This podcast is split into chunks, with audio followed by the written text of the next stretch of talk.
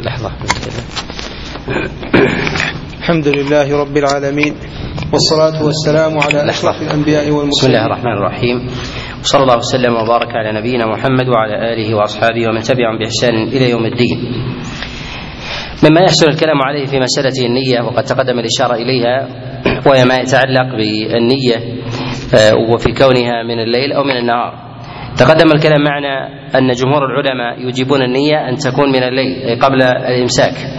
هذا بالنسبة للفريضة. وأما بالنسبة للنافلة فجمهور العلماء يرون صحة انعقاد النية من النهار. ولكن هذا محل خلاف. ما هو الحد الذي الذي يجوز أن يعقد الإنسان فيه؟ النية.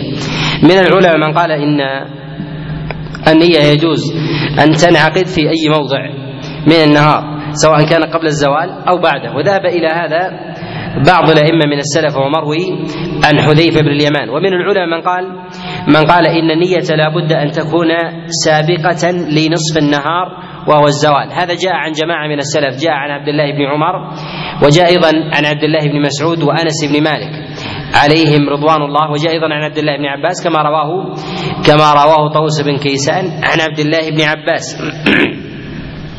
والصواب في ذلك أن له أن ينوي ما لم ما لم يكن الإنسان قد طعم قبل ذلك. له أن ينوي من أي ساعة من النهار. وأما بالنسبة للأجر فيظهر والله أعلم أن الأجر له تاما. أن الأجر له تاما. إن واحتسب ما مضى. إن واحتسب ما مضى. فإن الله عز وجل يؤتيه, إياه. وفضل الله وفضل الله واسع.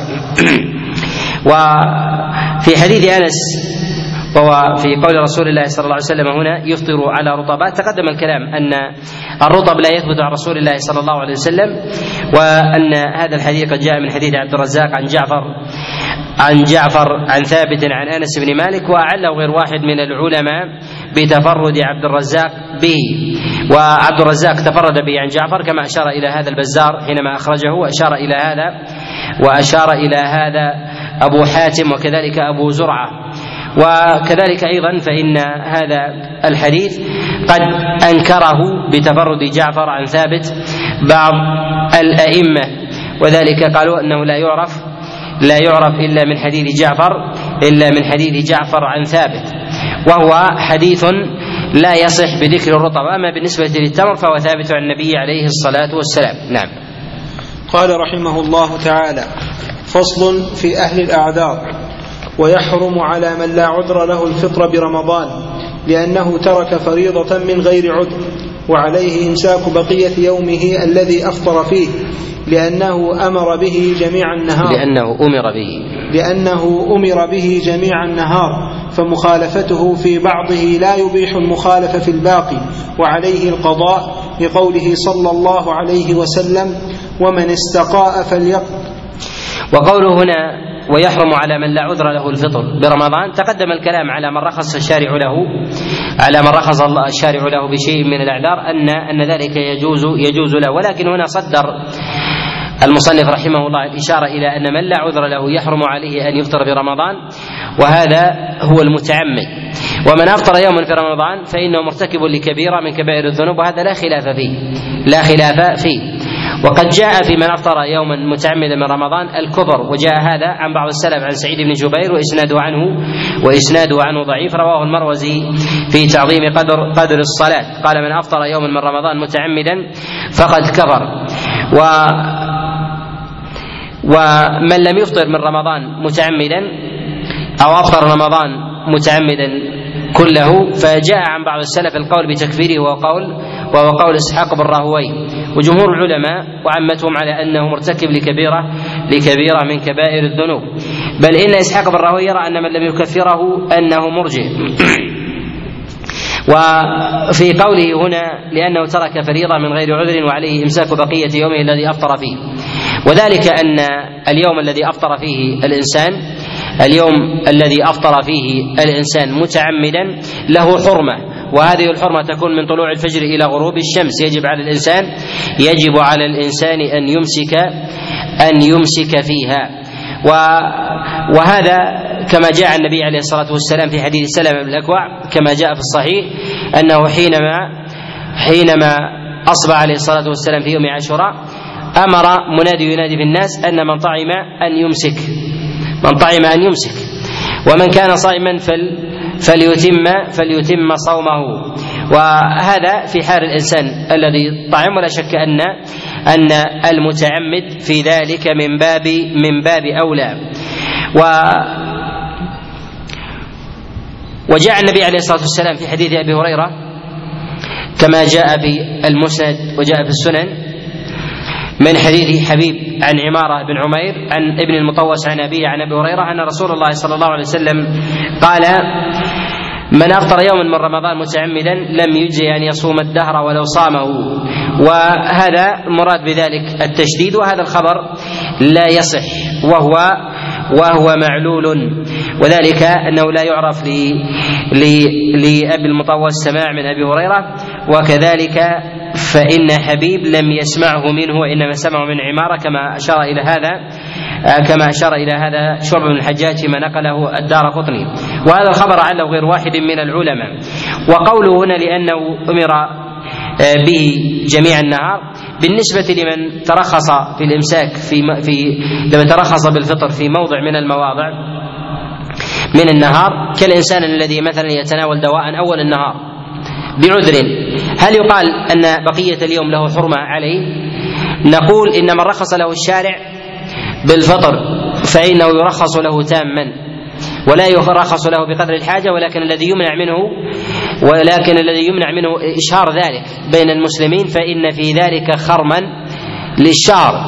ولهذا يقال حتى للمسافر الذي يترخص ثم قدم إلى بلده عليه الا يطعم أمام الناس حتى لا يخرم حتى لا يخرم حرمة الشعر وهذا إذا قلناه إذا قلناه في المعذور فإنه في المتعمد من باب أولى فيجب أن يردع وأن يعزر ومن العلماء من قال أن الإنسان إذا ترخص بالفطر أول النهار فإنه يرخص يرخص له في آخره. جاء هذا عن عبد الله بن مسعود كما رواه ابن أبي شيبة في كتابه المصنف من حديث ابن سيرين أن عبد الله بن مسعود عليه رضوان الله تعالى قال من أكل أول النهار فليأكل آخره. يعني أن الحكم له سواء. وهذا هو الصواب أنه يطعم في خاصة نفسه ولكن من غير إشهار. وقوله هنا وعليه القضاء لقوله صلى الله عليه وسلم من استقاء فليقضي استقاء يعني تعمد القضاء. استقاء تعمد القضاء وقاس وقاس عليه أي كأنه أراد أراد أن يفطر بخروج بخروج الطعام من جوفه. وبالنسبة للمتعمد جمهور العلماء وعامة وقول الأئمة الأربعة وعليه عامة الفقهاء المتأخرين أن من أفطر يوما متعمدا من رمضان فإنه يجب عليه القضاء. وذهب بعض العلماء وذهب بعض العلماء وهو قول ابن تيمية وابن رجب إلى أنه لا يجب عليه القضاء وذلك لعظم جرمه وذلك لأمور منها من الدليل أنه لم يثبت عن النبي عليه الصلاة والسلام الأمر. أنه لم يثبت عن النبي عليه الصلاة والسلام الأمر المتعمد ولا على أحد من أصحاب رسول الله صلى الله عليه وسلم وإنما جاء هذا وإنما جاء هذا فيما بعدهم. والأمر الثاني ان أن من التعليل أن الصيام إما أن يكون اداء وإما أن يكون قضاء وإما أن يكون إعادة وإما أن يكون تكرارا. ولا بد للممسك ولا بد للممسك من دليل يستدل به في القضاء أو الاداء أو التكرار والإعادة. فليس للإنسان مثلا أن يصوم اياما ويقول هذه هذه سنة فيكرر ذلك مما يمكن ومما لا يمكن. ومثال ذلك الإنسان مثلا يريد أن يصوم رمضان مرتين فيصوم مثلا شهر ثم يصوم شوال ستين يوما يقول هذا رمضان هذا تكرار وليس في محله. فإنه خالفه زمنا وخالفه صفة أيضا. خالفه زمنا وخالفه وخالفه صفة. كذلك أيضا من يصوم مثلا بعض الأيام التي جاء استحبابها بعينها. كالانسان مثلا الذي يصوم يوم عرفة يقول أريد أن أصوم الثامن والتاسع. فهذا هذا تكرار لا دليل عليه. لكن أن يصوم ويتنفل مطلقا فإن الأمر هذا فيه على السعه فالتكرار يحتاج إلى دليل والإعادة تحتاج إلى دليل فليس للإنسان أن يعيد العمل الذي صح منه. فليس للإنسان أن يقضي يوما من رمضان وقد صح منه عملا. فيقول أريد أن أقضي يوما من رمضان وهو صحيح فذلك لا يجوز. أما أن يتنفل فهذا جائز لأنه فرق بين بين القضاء الواجب وبين وبين النفل. كذلك أيضا بالنسبة كذلك أيضا بالنسبة للقضاء وكذلك الإعادة للقضاء والإعادة القضاء بالنسبة للمتعمد وكذلك أيضا الناس المتعمد لم يثبت فيه دليل أما بالنسبة للناس وأما بالنسبة للمعذور ممن عذره الله عز وجل ممن ترخص بسفر أو مرض أو نحو ذلك فإن الدليل قد ثبت عليه. أما المتعمد أما المتعمد فلم يثبت فيه شيء. وقد يقول قائل إن النصوص تعلق بالأغلب فيشق ويندر على الإنسان المتعمد على الإنسان المتعمد أن يدع أن يدع يوم من رمضان متعمدا والنصوص إنما وردت في الناس. ولو جاءت ولو جاءت في المتعمد لكان ذلك مسوغا أو جعل له بديلا أو جعل له بديلا لأن يصوم يوما آخر على سبيل التخيير ولكن يقال إن الشريعة جاءت في بعض الأعمال التي يتركها الإنسان عمدا أنه يجب عليه أن يأتيها. مثال ذلك الحج على من يقول بوجوبه فورا أن الإنسان لو تركه فإنه يأتي به بعد ذلك. فإن تركه عاما يأتي بعد ذلك والإثم يتكرر إذا كان الإنسان من أهل الاستطاعة. إذا كان الإنسان من أهل من أهل الاستطاعة. أما بالنسبة للصيام وكذلك الصلاة من تركها متعمدا حتى خرج وقتها فإنه لا يجب عليه القضاء. وقوله هنا لقوله صلى الله عليه وسلم ومن استقاء ومن استقاء فليقضي. هذا الحديث لا يثبت عن النبي عليه الصلاة والسلام وإن كان ظاهر إسناده الصحة هذا الحديث رواه الإمام أحمد وأبو داود والترمذي والنسائي وابن ماجه والدار قطني وغيرهم من حديث عيسى بن يونس. يروي عن هشام بن حسان عن محمد بن سيرين عن أبي هريرة عن رسول الله صلى الله عليه وسلم. وهذا الحديث الذي يرويه عيسى عيسى بن يونس وإن كان وإن كان رواته ثقات وظاهره السلامة إلا أنه استنكر على عيسى كما نص على هذا الإمام أحمد رحمه الله فقال إنه ليس في كتابه أخطأ فيه عيسى بن يونس. وقال ذلك غير واحد كالبخاري رحمه الله فقال لا يصح. وقال الترمذي لا أراه محفوظا. وطعن فيه سائر الأئمة كالبزار وغيرهم. ومنهم من جعل الوهم فيه من هشام كما أشار إلى هذا الدارمي رحمه الله فيما نقله عن أهل عن أهل البصرة. وهذا الحديث قد أخرجه ابن ماجه فيما نقله الحافظ بن حجر من حديث حفص بن غياث عن هشام عن هشام به. وإنما استنكر لأنه قد جاء عن أبي هريرة ما يخالفه. جاء عن أبي هريرة عليه رضوان الله تعالى ما يخالفه فيما رواه البخاري من حديث في كتاب التاريخ من حديث عمر بن الحكم عن أبي هريرة أنه قال أنه قال في من قال لا يفطر إنه يخرج ولا يدخل. وإسناده عنه وإسناده عنه صحيح. نعم. قال رحمه الله تعالى ويجب الفطر على الحائض والنفساء للحديث الصحيح أليس إذا حاضت لم تصلي ولم تصم؟ الحائض والنفساء يجب عليها وجوبا أن تفطر وهي من أهل الأعذار. والعذر ملزم بخلاف بقية الأعذار والأعذار على نوعين أعذار ملزمة وأعذار ليست ملزمة. أما الأعذار الملزمة كالحيض والنفاس فإنه ملزم للإنسان ويلحق في هذا المرض الذي إذا صام الإنسان معه هلك. إذا صام الإنسان معه هلك كالذي يتناول دواء أو مغذيا فإذا زال عنه هلك فأراد الإمساك فهذا آثم ويكون ذلك مما مما هو ملزم. ولكن يتباين هذا أن الحائض والنفساء لا يصح منها عملا ذلك وليست هي من أهل التكليف وأما بالنسبة لمن به مرض لو فعله وسلم صح منه. من به مرض يهلك لو فعله وسلم صح منه ولا يجب عليه القضاء. أما بالنسبة للحائض والنفساء فإنها إن صامتا فالصيام باطل. لا يقال إنه لا يقال إنه صحيح.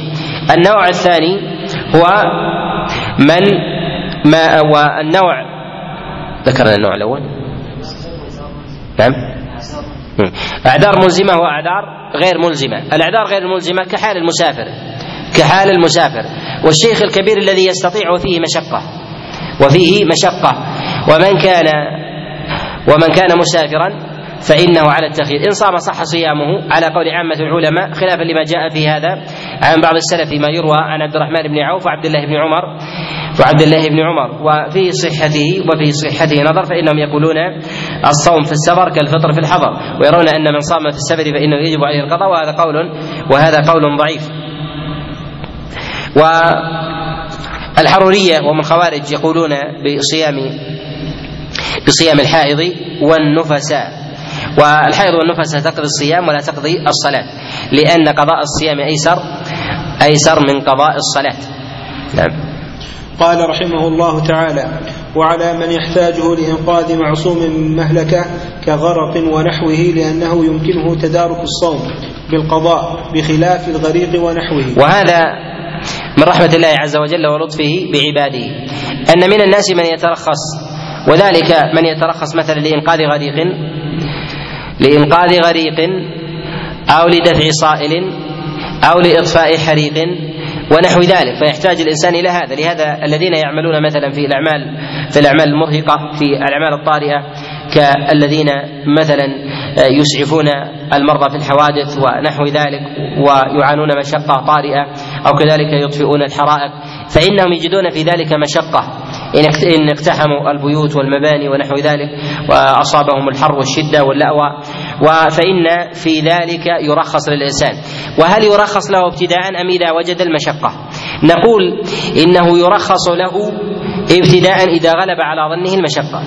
وإذا لم يغلب على ظنه المشقة لا يرخص له ولا يجوز له الفطر إلا إلا إذا تحققت المشقة. كحال الإنسان مثلا الذي يقوم بمهمة إنقاذ غريق مثلا أو إطفاء حريق يقول في غالب الظن أني لا أحتاج إلى هذا ليسر الحريق وعدم كبره وكذلك أيضا السيطرة عليه فإنه يحرم عليه ذلك.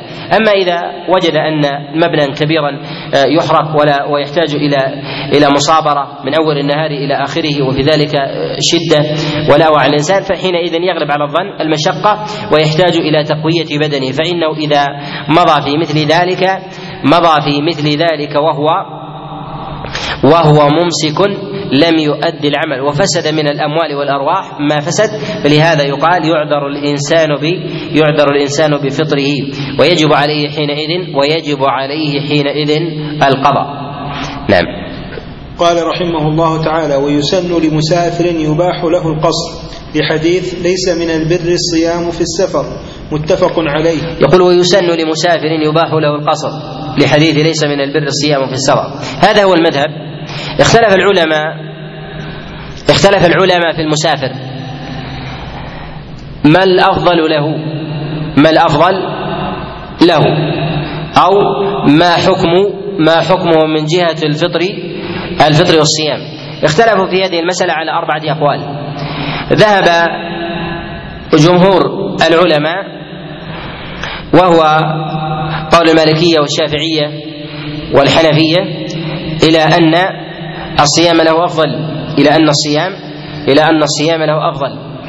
قالوا وذلك أن الإنسان يستطيع الصوم في سفره. والرخصة جاءت عارضة والرخصة جاءت عارضة. لا تكون إلا مع ورود إلا مع ورود المشقة الشديدة التي يصعب على الإنسان معها الصوم. القول الثاني وهو قول الإمام أحمد رحمه الله. قالوا قال قال رحمه الله إن الفطر أفضل. إن الفطر أفضل. ولو صام صح صومه. ولو صام صح صومه. يستدلون بذلك ما جاء النبي عليه الصلاة والسلام كما في هذا الحديث ليس من البر الصيام في السفر. وكذلك أيضا ما جاء في حديث جابر بن عبد الله أنه قال قال سافرنا مع رسول الله صلى الله عليه وسلم عام الفتح. حتى بلغ النبي صلى الله عليه وسلم كراع الغميم. فدعا النبي عليه الصلاة والسلام بقدح فشرب منه. فقيل له إن أناسا إن أناسا صيام. فقال النبي صلى الله عليه وسلم أولئك العصاة أولئك العصاة. في هذا النبي عليه الصلاة والسلام ما قال ذلك إلا لورود المشقة عليه إلا لورود المشقة المشقة عليه. وما قال ذلك عليه الصلاة والسلام لهم لأن لأنهم خالفوا مجرد مجرد الفطر. ويظهر والله أعلم أن النبي عليه الصلاة والسلام كان ابتداء ممسكا وناويا للصيام ولهذا أفطر فكان صائما. ولهذا ذكر جابر أنهم كانوا صياما ثم أفطروا بعد ذلك. فالفطر جاء طارئا على المشقة. اذا فهذا يؤيد ما يؤيد ما يأتي وهو القول وهو القول الثالث. القول الثالث قالوا إن الأمر يتردد بحسب المشقة. فإذا كانت المشقة في الصوم فإن الأفضل الفطر. وإذا كانت المشقة معدومة ومنتفية في حال الصوم فإن السنة الصيام. فإن السنة الصيام. قالوا وذلك أن الرخصة إنما طرأت للمشقة. فإذا وجدت المشقة وجدت وإذا لم توجد فالأفضل الرجوع إلى الأصل. الرجوع إلى الأصل وهو وهو الإمساك. وهذا ذهب إليه جماعة من العلماء وهو قول عمر بن عبد العزيز وغيره.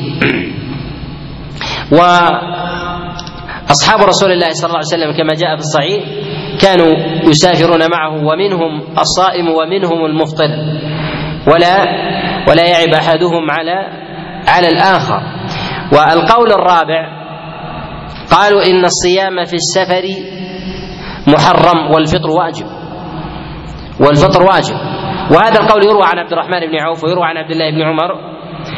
وذلك أنه جاء عن عبد الرحمن بن عوف أنه قال إن الصيام في السفر كالفطر بالحضر وهذا يعني أنه آثم. وهذا القول قول ضعيف. وهذا القول قول قول ضعيف. وأما بالنسبة للمسافر فذهب بعض العلماء إلى أنه لا يستحب للإنسان أن يسافر إذا كان صائما. وهذا جاء عن عبد الله بن عمر وجاء عن عائشة. جاء عن عبد الله بن عمر وجاء عن عائشة. فإن عائشة قالت لا أحب إذا دخل رمضان أن أسافر وذلك حتى تصوم ولا يفوتها شيء من شيء من الفضل. فإن المسافر إذا سافر المسافر إذا سافر فاته شيء مما مما يتعذر استدراكه وذلك كقيام رمضان. الأجر يلحقه بخلاف الفضل المعين. فإن الإنسان ربما تفوت ليلة القدر مثلا يدرك يدرك فضل القيام إذا كان مسافرا وكان اعتاد على القيام. يأتيه لاجل حديث أبي موسى أن النبي صلى الله عليه وسلم قال إذا مرض العبد أو سافر كتب الله له ما يعمل وصحيح مقيم. لكن لو قدر أن هذه الليلة فيها ليلة القدر فإن ذلك يفوت. فإن ذلك يفوت. ولهذا نقول إن الأفضل الأفضل للإنسان عدم السفر أو أن الإنسان إذا سافر غلب على ظنه عدم ورود المشقة عليه فلا بأس بسفره وإتيانه وإتيانه بالفضائل حتى حتى في سفره.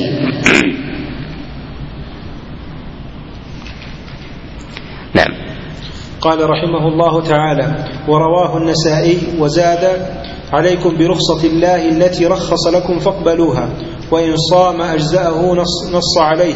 لحديث هي رخصة من الله فمن أخذ بها فحسن ومن أحب أن يصوم فلا جناح عليه رواه مسلم والنسائي. وعن حمزة بن عمرو الأسلمي أنه قال للنبي صلى الله عليه وسلم أصوم في السفر. قال إن شئت فصم وإن شئت فأفطر. متفق عليه. واللفظ الأول أيضا هو حديث حمزة بن عمرو.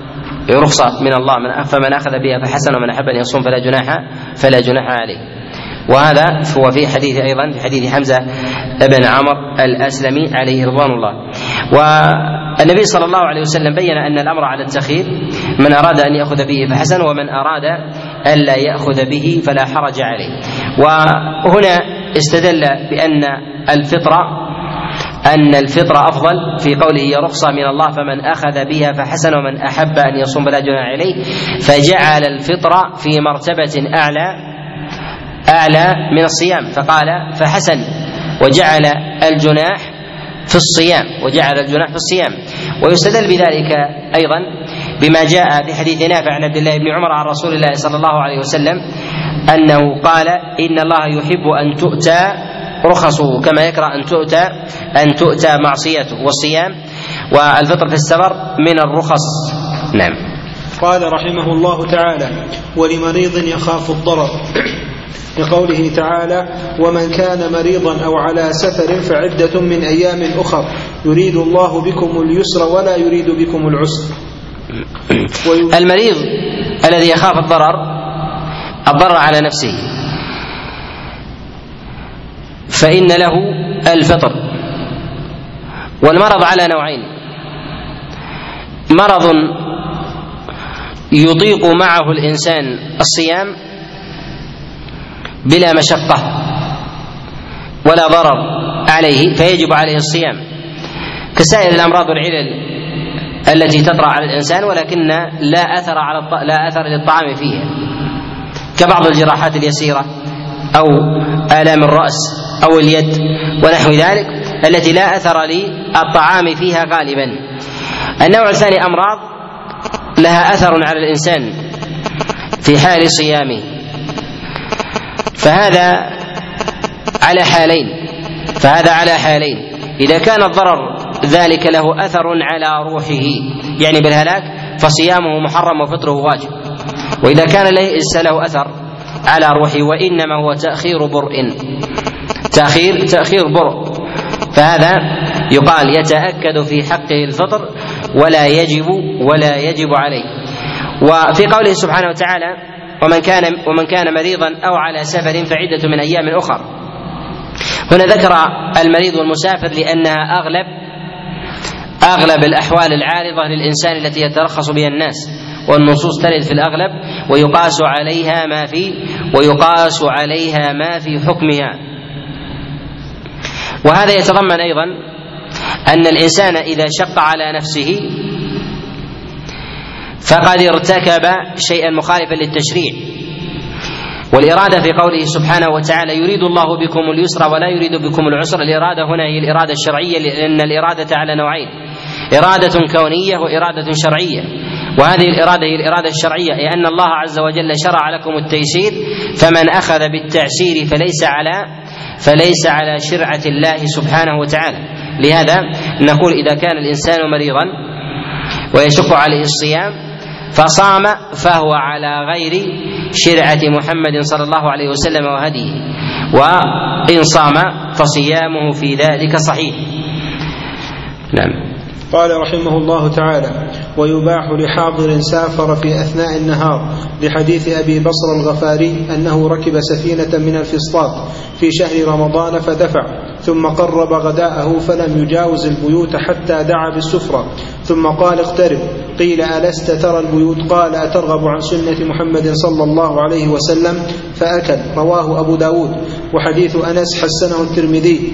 إذا فارق بيوت قريته العامرة لما تقدم ولأنه قبله لا يسمى مسافرا والأفضل عدم الفطر تقليبا لحكم الحضر وخروجا من الخلاف. هذه المسألة وهي الحاضر.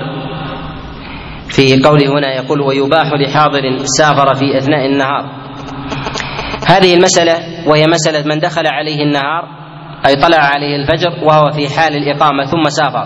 هل يباح له الفطر أم لا؟ اختلف العلماء في هذه المسألة وقبل ذكر الخلاف.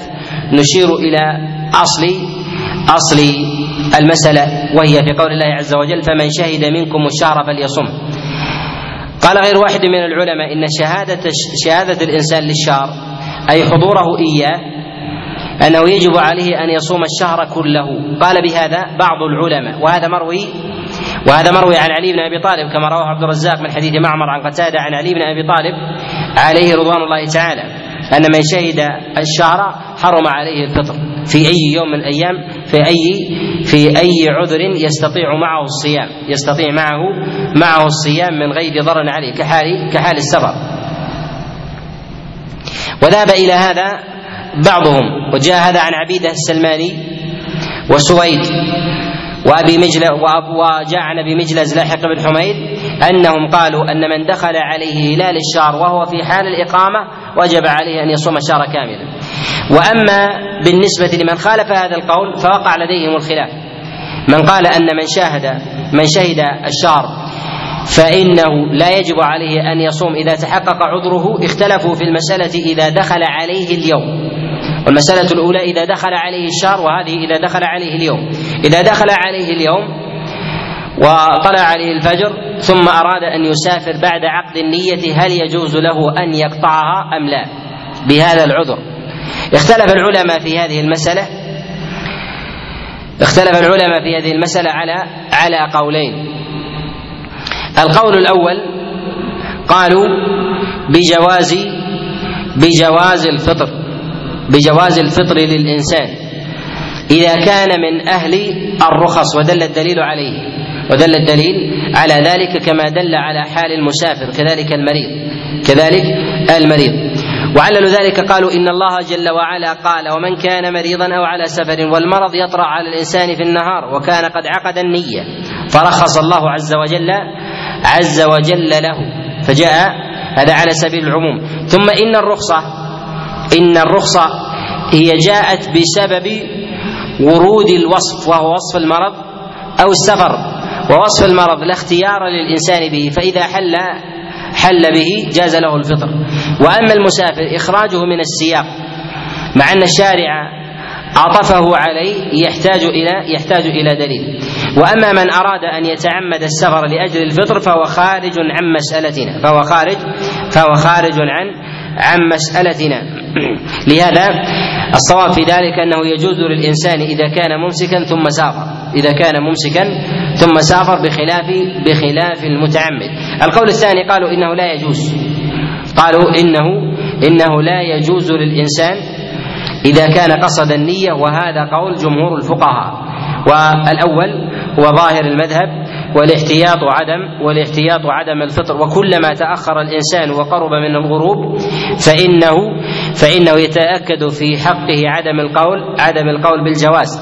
وأما المسألة الثانية وهي أن الإنسان اذا إذا عزم على السفر.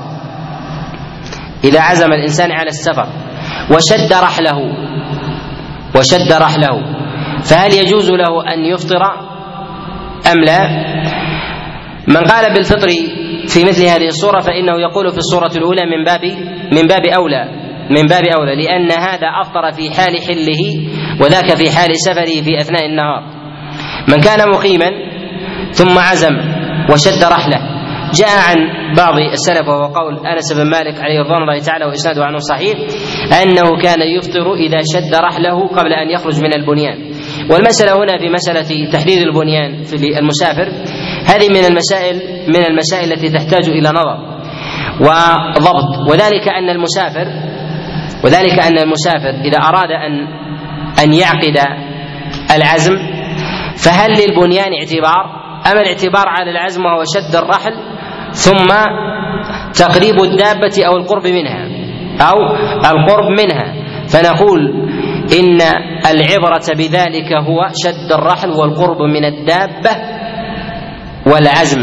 فإن هذا فإن هذا يتحقق في السفر. أما البنيان فلا يتحقق به. وأما ما جاء في النصوص في مسألة مغادرة البنيان نقول هذا أمر أريد به الضبط. أمر أريد به به الضبط. لماذا أريد به الضبط؟ لأننا لو أخذنا بهذه العلة وجودا وعدما وهو ورود البنيان فثمة دول البنيان فيها متصل. البنيان فيها متصل. كالصين والهند وغيرها. كثافة سكانية يقطع الإنسان مئة كيلو مئتين ثلاثمائة وهي بناء في بناء. هل نسقط هذا هذه المسألة أم لا؟ لا نستطيع أن نسقط.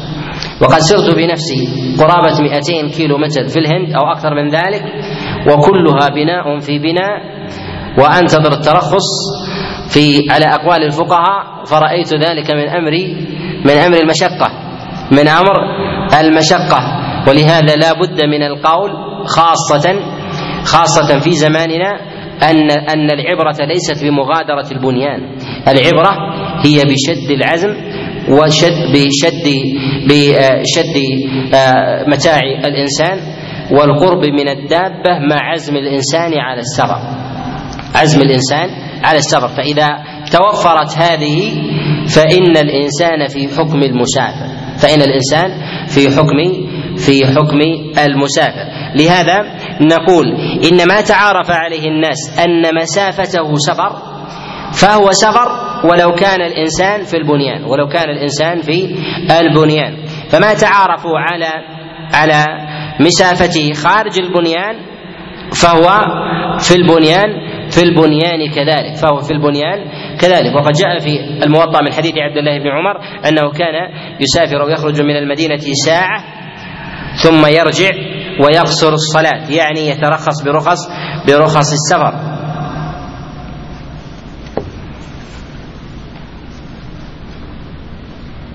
نعم. قال رحمه الله تعالى ولحامل ومرضع خافتا على أنفسهما. فيفطران ويقضيان لا غير. قال في الشرح لا نعلم فيه خلافه. أو على وقوله هنا ولحامل ومرضع خافتا على أنفسهما فيفطران ويقضيان إلى غير. قال في الشرح لا نعلم فيه خلافا. لم يختلف العلماء في مسألة القضاء وهذا محل اتفاق وقد حكى الإجماع على ذلك غير واحد من العلماء. حكى الإجماع على ذلك غير واحد من العلماء في مسألة القضاء. في مسألة القضاء. ولا أعلم أحدا من السلف قال قال بعدم وجوب بعدم وجوب بعدم وجوب القضاء. إلا ابن حزم الأندلسي. كما كما نبهنا الأخ عبد الرحمن بالأمس. ولهذا نقول إن وجوب القضاء إن وجوب القضاء محل اتفاق. وعدم القول بوجوبه قول حادث. وعدم القول بوجوبه قول قول حادث. ولهذا نقول إن أقوال السلف في ذلك على ثلاثة أقوال. بعد اتفاقهم على القضاء بعد اتفاقهم على القضاء. قول بوجوب القضاء مجرد. قول بوجوب القضاء مجرد. وقول بوجوب القضاء مع الإطعام. وقول بوجوب الإطعام من غير من غير قضاء. من غير قضاء. وقول أبعدها وهو الرابع الشاذ وهو قول ابن حزم الأندلسي في هذا أنه لا يجب لا القضاء ولا الإطعام. لا يجب في ذلك القضاء ولا الإطعام.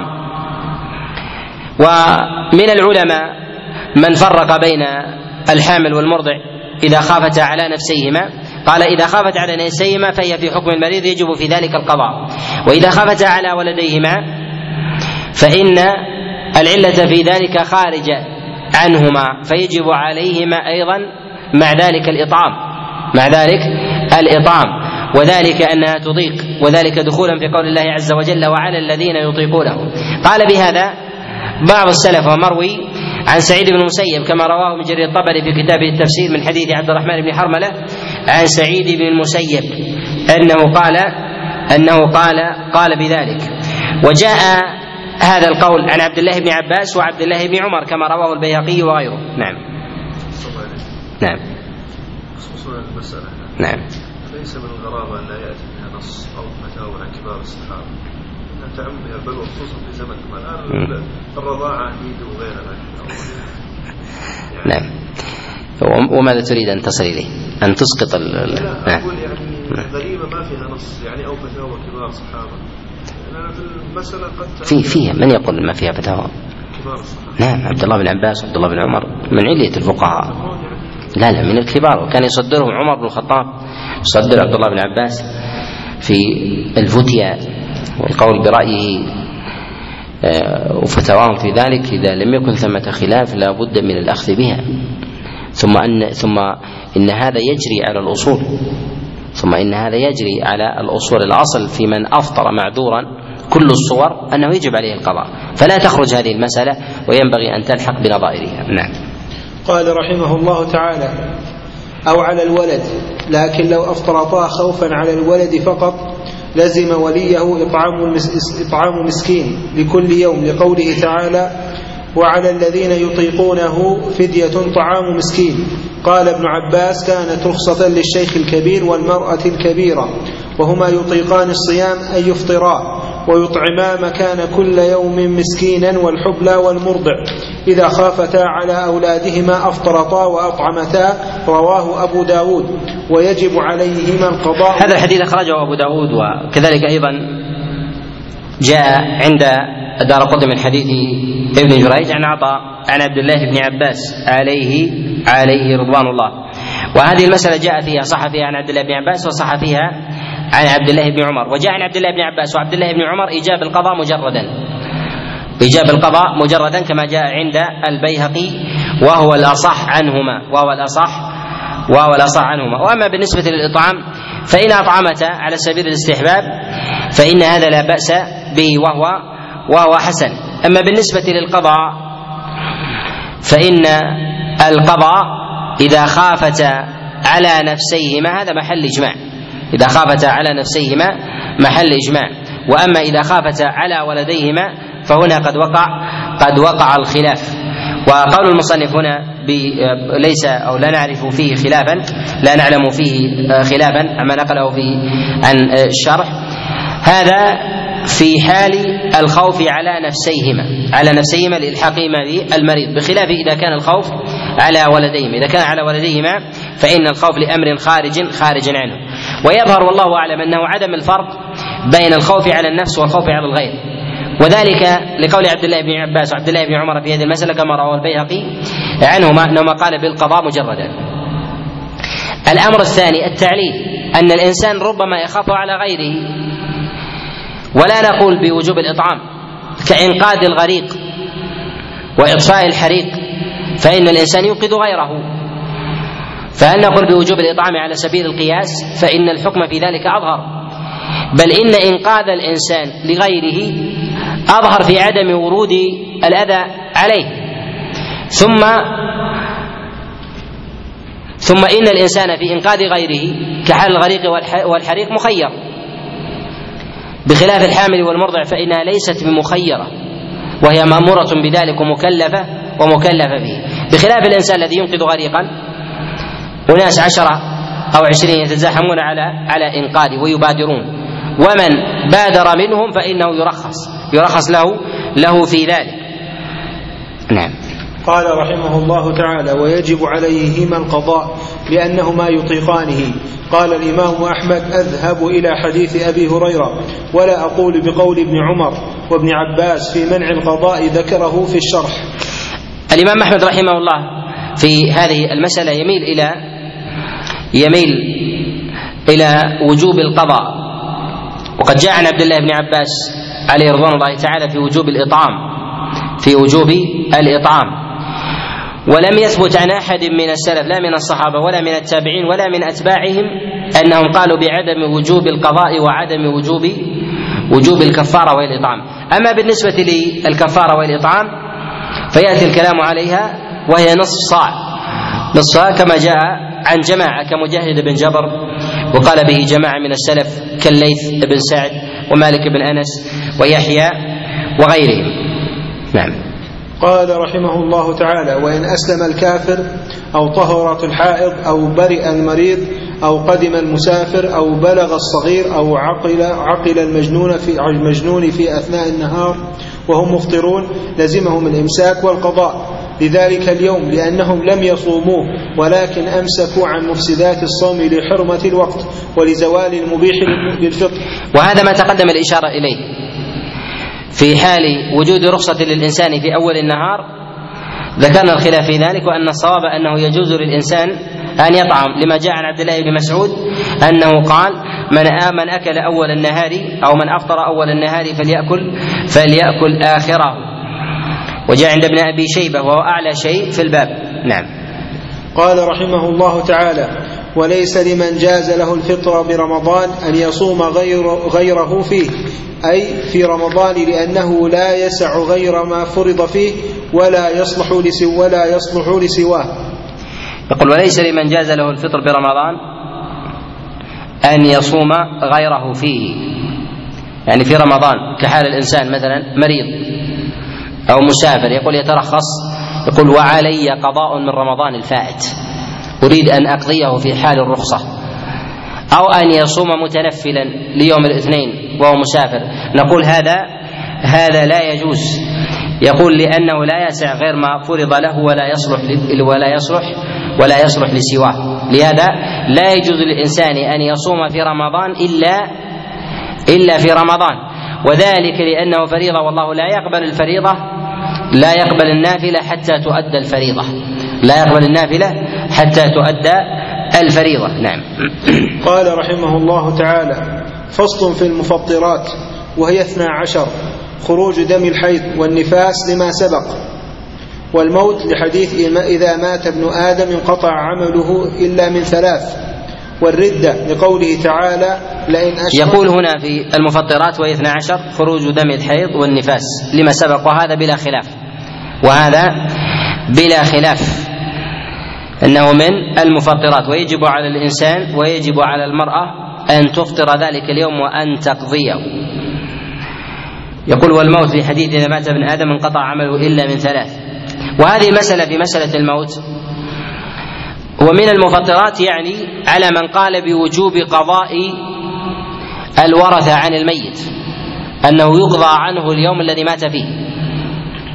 يقضى عنه اليوم الذي مات فيه. وإلا فهو في ذاته قطعا أنه ليس من أهل التكليف وإنما على قول بعض العلماء ويأتي الكلام على مسألة القضاء عن الميت بإذن الله تعالى. نعم. قال رحمه الله تعالى والردة لقوله تعالى لئن أشركت ليحبطن عملك.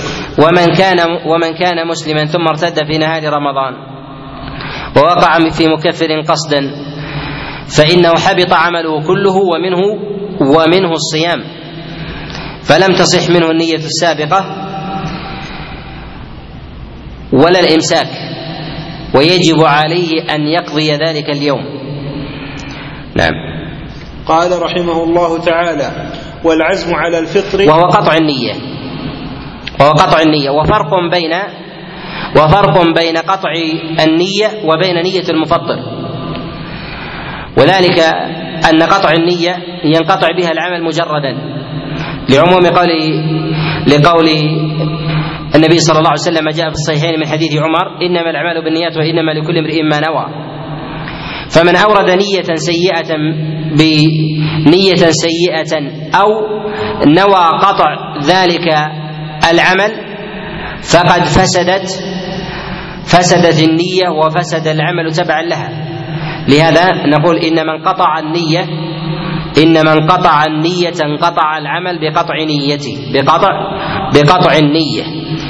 وذلك وذلك لا خلاف فيه. وأما من نوى فعل المفطر وهو كحال الإنسان الذي يريد طعاما كما جاء في حديث عائشة أن النبي عليه الصلاة والسلام أتاها حينما أصبح فقال عندكم شيء؟ قالت لا. قال إني اذا صائم. اذا هو نوى نوى فعل المفطر ولكنه ما أفطر. ولهذا ولهذا فرق بين قطع النية وهو العزم على الفطر وبين وبين نية فعل المفطر. فنية فعل المفطر لا, لا تفطر الإنسان بخلاف قطع النية فيفطر الإنسان بها. نعم. قال رحمه الله تعالى قال في الفروع وفاقا للشافعي ومالك لقطع النية المشترطة في جميعه في الفرض. قال في الكافي فإذا قطعها في أثنائه خلا ذلك الجزء عن النية فيفسد الكل لفساد الشرط. وذلك أن الصيام جزء واحد لا يتجزأ بخلاف ما لم يطرأ على الإنسان نية فاسدة ابتداء فنوى من أثناء النهار. وذلك على قول أبي حنيفة أن النية يجوز أن تكون من النهار لرمضان. فعلى هذا فإذا أنشأها ضحى صح صومه. وكذلك في النافلة إذا أنشأها من النهار صح صومه. على قول جمهور العلماء. على قول جمهور العلماء. وهذا لم يفسد نيته وإنما كان مح وكان وإنما كان محلها العدم. وهو عدم انعقاد شيء. نعم. قال رحمه الله تعالى والتردد فيه لأنه لم يجزم بالنية ونقل الأثرم لا يجزئه من الواجب حتى يكون عازما على الصوم على على الصوم يومه كله. قاله في الفروع. هنا يقول والتردد فيه لأنه لم يجزم بالنية.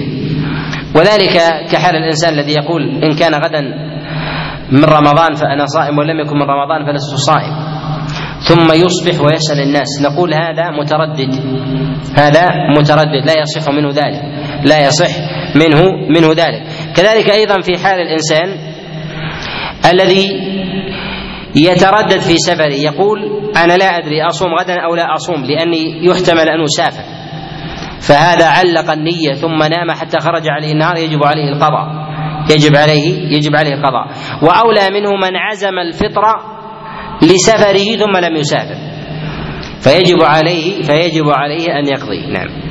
قال رحمه الله تعالى والقيء عمدا. قال ابن المنذر أجمعوا على إبطال صوم من استقاء عامدا. ولحديث أبي هريرة مرفوعا من ذرعه القيء فليس عليه قضاء ومن استقاء عمدا فليقضي. رواه أبو داود وحسنه وحسنه الترمذي. وقوله هنا والقيء عمدا حكى الاتفاق على أن القيء عمدا والاستقاء أن ذلك من المفطرات. حكى الاتفاق ابن المنذر بن عبد البر وغيرهما. في هذا الاتفاق نظر. وفي هذا الاتفاق حكاية الاتفاق الاتفاق نظر. وذلك وذلك أنه جاء عن أبي هريرة وعطى القول بعدم بعدم الفطر من القيء. كما جاء عند البخاري من حديث عمر ابن الحكم عن أبي هريرة أنه قال من قاء لا يفطر فإنما يخرج ولا ولا يدخل وإسناده صحيح عنه وروي عنه خلافه وهو ضعيف وروي عنه خلافه وهو وهو ضعيف. وذهب إلى القول بعدم الفطر البخاري رحمه الله. كما في كتابه كما في كتابه الصحيح.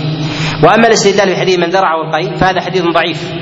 رواه الإمام أحمد وأبو داود والترمذي والنسائي بن ماجه من حديث عيسى بن يونس عن هشام بن حسان عن محمد بن سيرين عن أبي هريرة عن رسول الله صلى الله عليه وسلم. عن رسول الله صلى الله عليه وسلم. وتفرد به عيسى بن يونس وإن كان ثقة إلا أنه أخذ عليه. أعل وصله وأنكره أحمد والبخاري والترمذي وأبو حاتم وغيرهم من الأئمة ومال بعضهم إلى إلى تقويته من المتأخرين وذلك كابن خزيمة وابن حبان والحاكم وغيره وهم في طبقة متأخرة عمن تقدم عن طبقة أحمد و كذلك البخاري. فإنهم يعدون في طبقة متأخرة متأخرة عنه. وعامة المتأخرين أيضا والمعاصرين على تصحيحه وفي صحته نظر. وذلك أنه لا يثبت عن النبي عليه الصلاة والسلام في ذلك شيء يعني الأمر. وأما الوضوء وأما الفطر من القيء فالنبي أفطر من القيء كما جاء في سنن أبي داود. ولكن من غير أمر. ويحتمل أن يكون ذلك أيضا في صيام النافلة لا في صيام الفرض. ولو كان في الفرض لوجب القول لوجب القول به. نعم. قال رحمه الله تعالى والاحتقان من والاحتقان. والاحتقان. نعم. لا يفطر نعم. قال رحمه الله تعالى والاحتقان من الدبر نص عليه. يقول هنا والاحتقان من الدبر نص عليه. هنا على القول بأن الدبر منفذ إلى الجوف. وأهل الطب يتفقون على أن الدبر ليس منفذا إلى المعدة.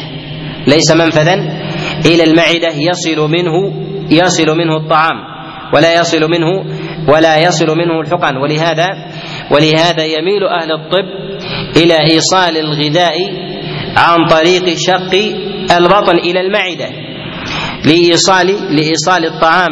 والمغذيات ونحو ذلك إذا إذا فسد مريء الإنسان. لهذا نقول إن الاحتقان من الدبر لا يفطر الصائم على الصحيح بل ينبغي أن يكون هذا قولا واحدا.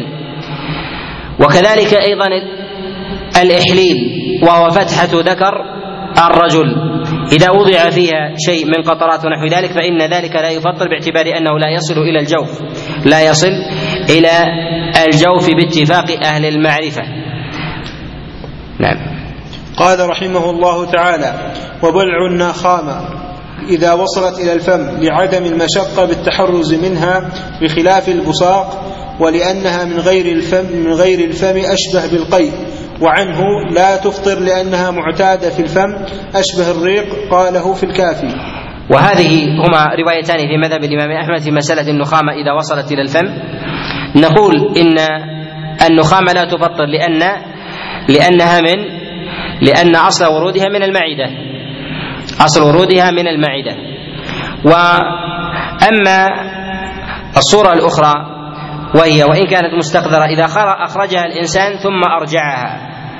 فهذا فهل فهل يفطر الإنسان؟ نعم. يفطر الإنسان لأنه انفصل عنه. لأنه انفصل انفصل عنه.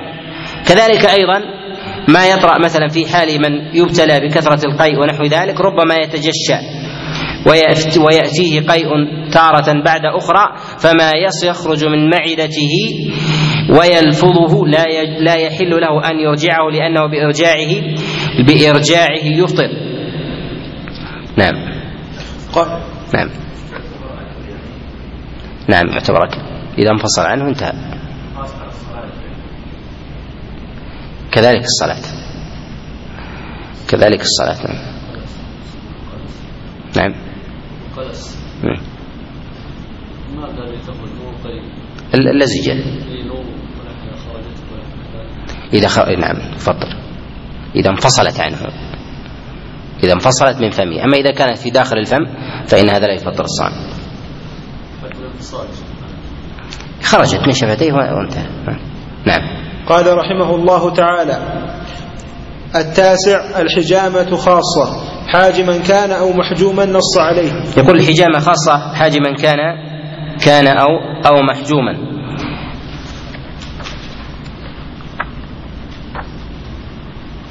نقف عند هذا.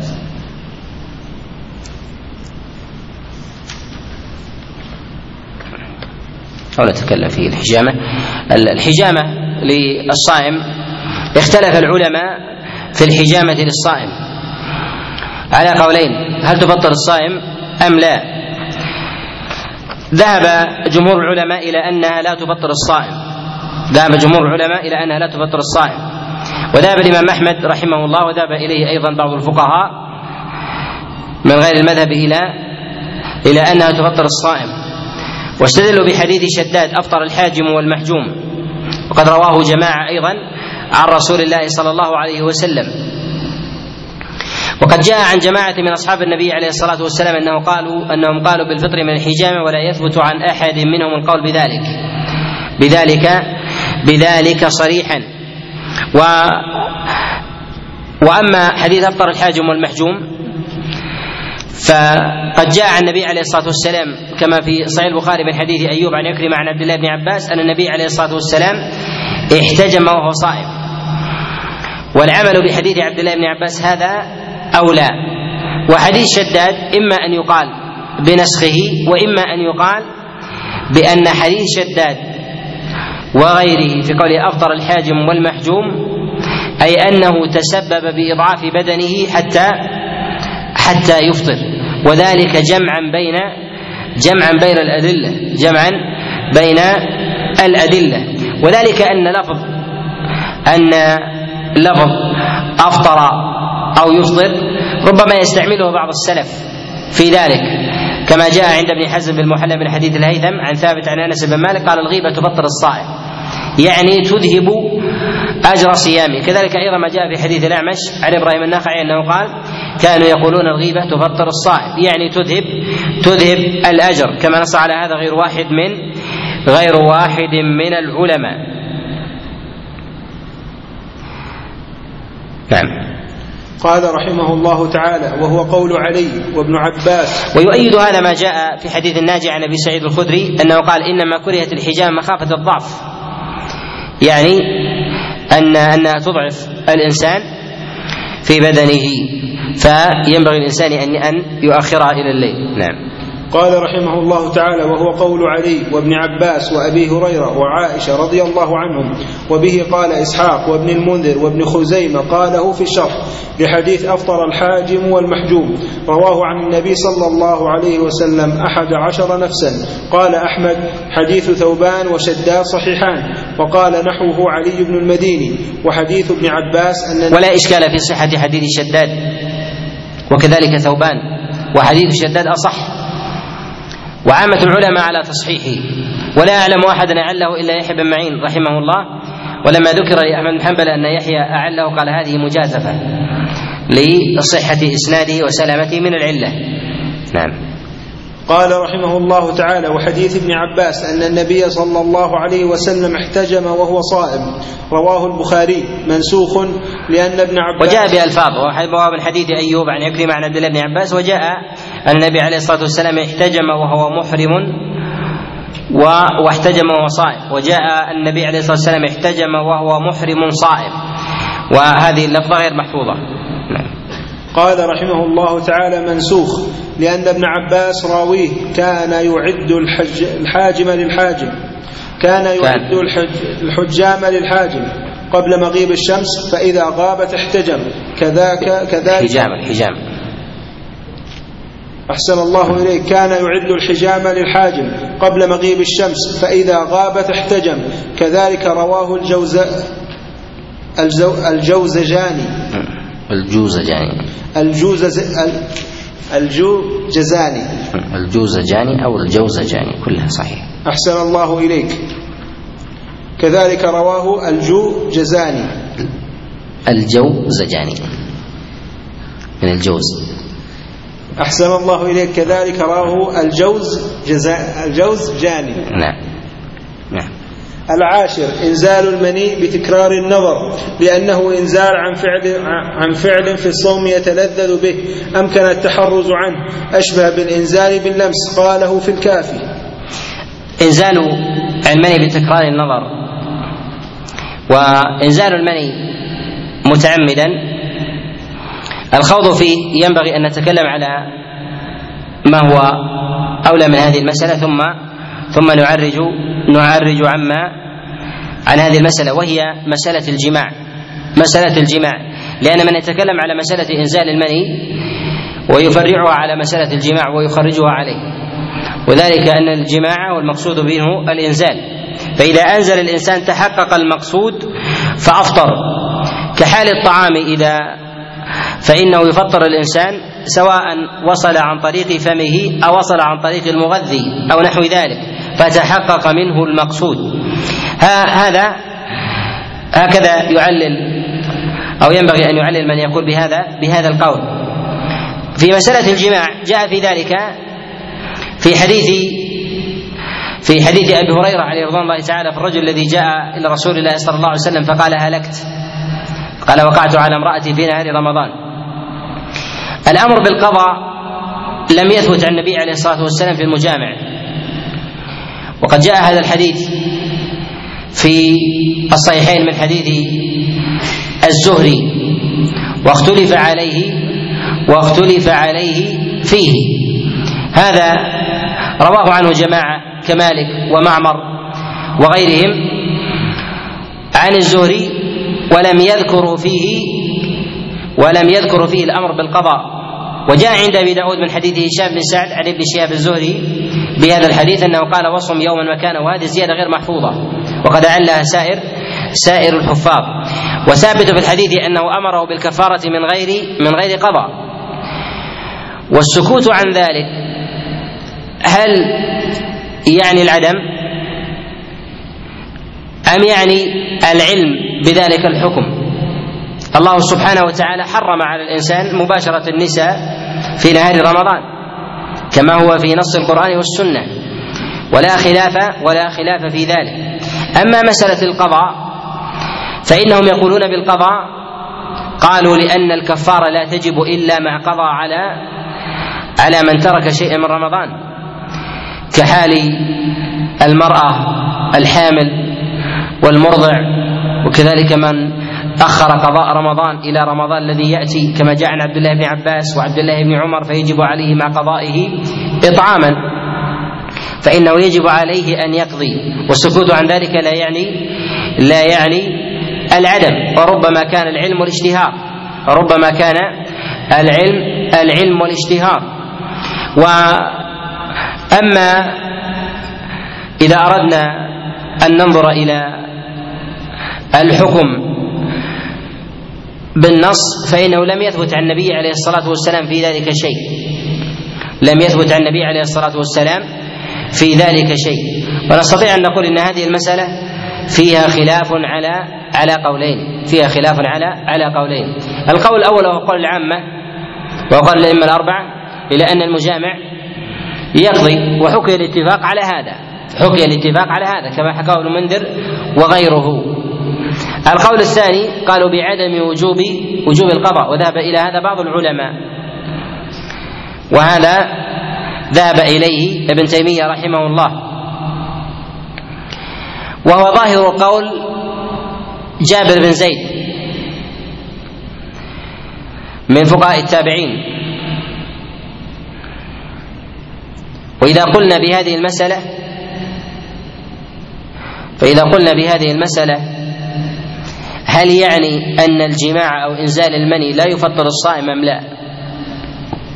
ذكرنا أن ابن تيمية رحمه الله يرى أن من أفطر متعمدا لا يجب عليه القضاء إذا لا نستطيع أن نقول أن ابن تيمية رحمه الله أن ابن تيمية رحمه الله لا يرى أن الجماع لا يرى أن الجماع لا يفطر واحتمال أنه يرى وهذا هو الظاهر أنه يرى أن الجماع يفطر الصائم لكنه لا يجب عليه القضاء اضطرادا على قاعدة الفطر عمدا.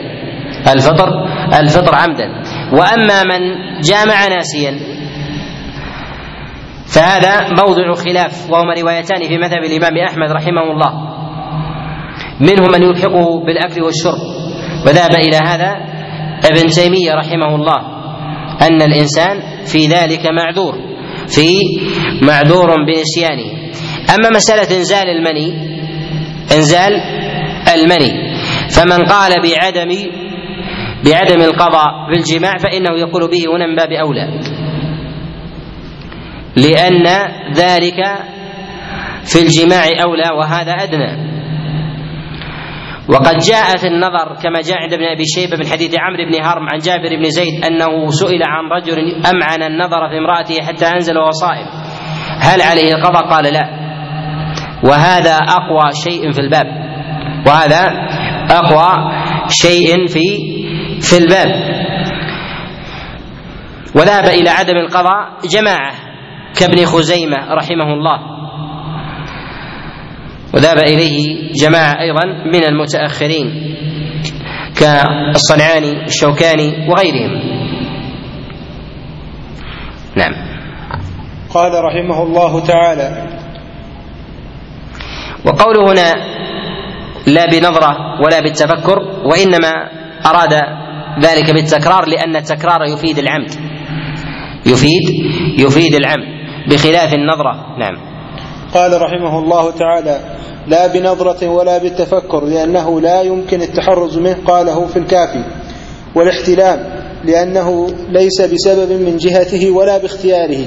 يعني أن الإنسان لا يفطر بنظرة الفجأة إذا أنزل ولا بالتفكر العارض وكذلك أيضا بالاحتلام لأن الإنسان لا يملكه. وهذا ومسألة الاحتلام من احتلم في نهاية رمضان وقول عامة السلف. وفيه عن أبي هريرة حديث حديث لا لا يؤخذ به. نعم. قال رحمه الله تعالى ولا بالمدي أي لا يفسد الصوم بالمدي من تكرار النظر لأنه ليس بمباشرة. ليس بمباشرة. والمدي يختلف عن المني. والمدي هو والمدي هو الذي يخرج من الإنسان بشهوة من غير من غير دفق وهو لا يسمى جماعا ولا يفقد الإنسان به شهوته. ولهذا نقول إنه بذلك ينتقض وضوءه ولا يجب فيه الغسل. وهذا من المباينة بين المني والمذي ومن ألحقه به فألحقه مع الفارق. وذلك ان أن المني يجب فيه الغسل والمذي لا يجب فيه كما في حديث كما في حديث المقداد بن الأسود عليه رضوان الله. وكذلك أيضا في مسألة القضاء وكذلك الفطر في رمضان فإن ذلك من باب من باب أولى على من قال بعدم وجوبه في في الجماع والمني فإنه يقول بذلك من باب أولى. كذلك أيضا فإن المذي هنا مما لا يفطر على قول عامة السلف بل هو فيما يظهر أنه إجماع عندهم وقد جاء في ذلك خلاف متأخر. نعم. قال رحمه الله تعالى الحادي عشر خروج المني أو المذي بتقبيل أو لمس أو استمناء أو مباشرة دون الفرج لأنه إنزال عن مباشرة أشبه بالجماع وأما المذي فلتخلل الشهوة له وخروجه بالمباشرة أشبه بالمني. وحجة ذلك إيماء حديث عائشة. نتوقف هنا بالنسبة لدرس الغد يكون بإذن الله عز وجل إن تيسر الأخوان يكون بعد المغرب. بعد المغرب. العصر يكون في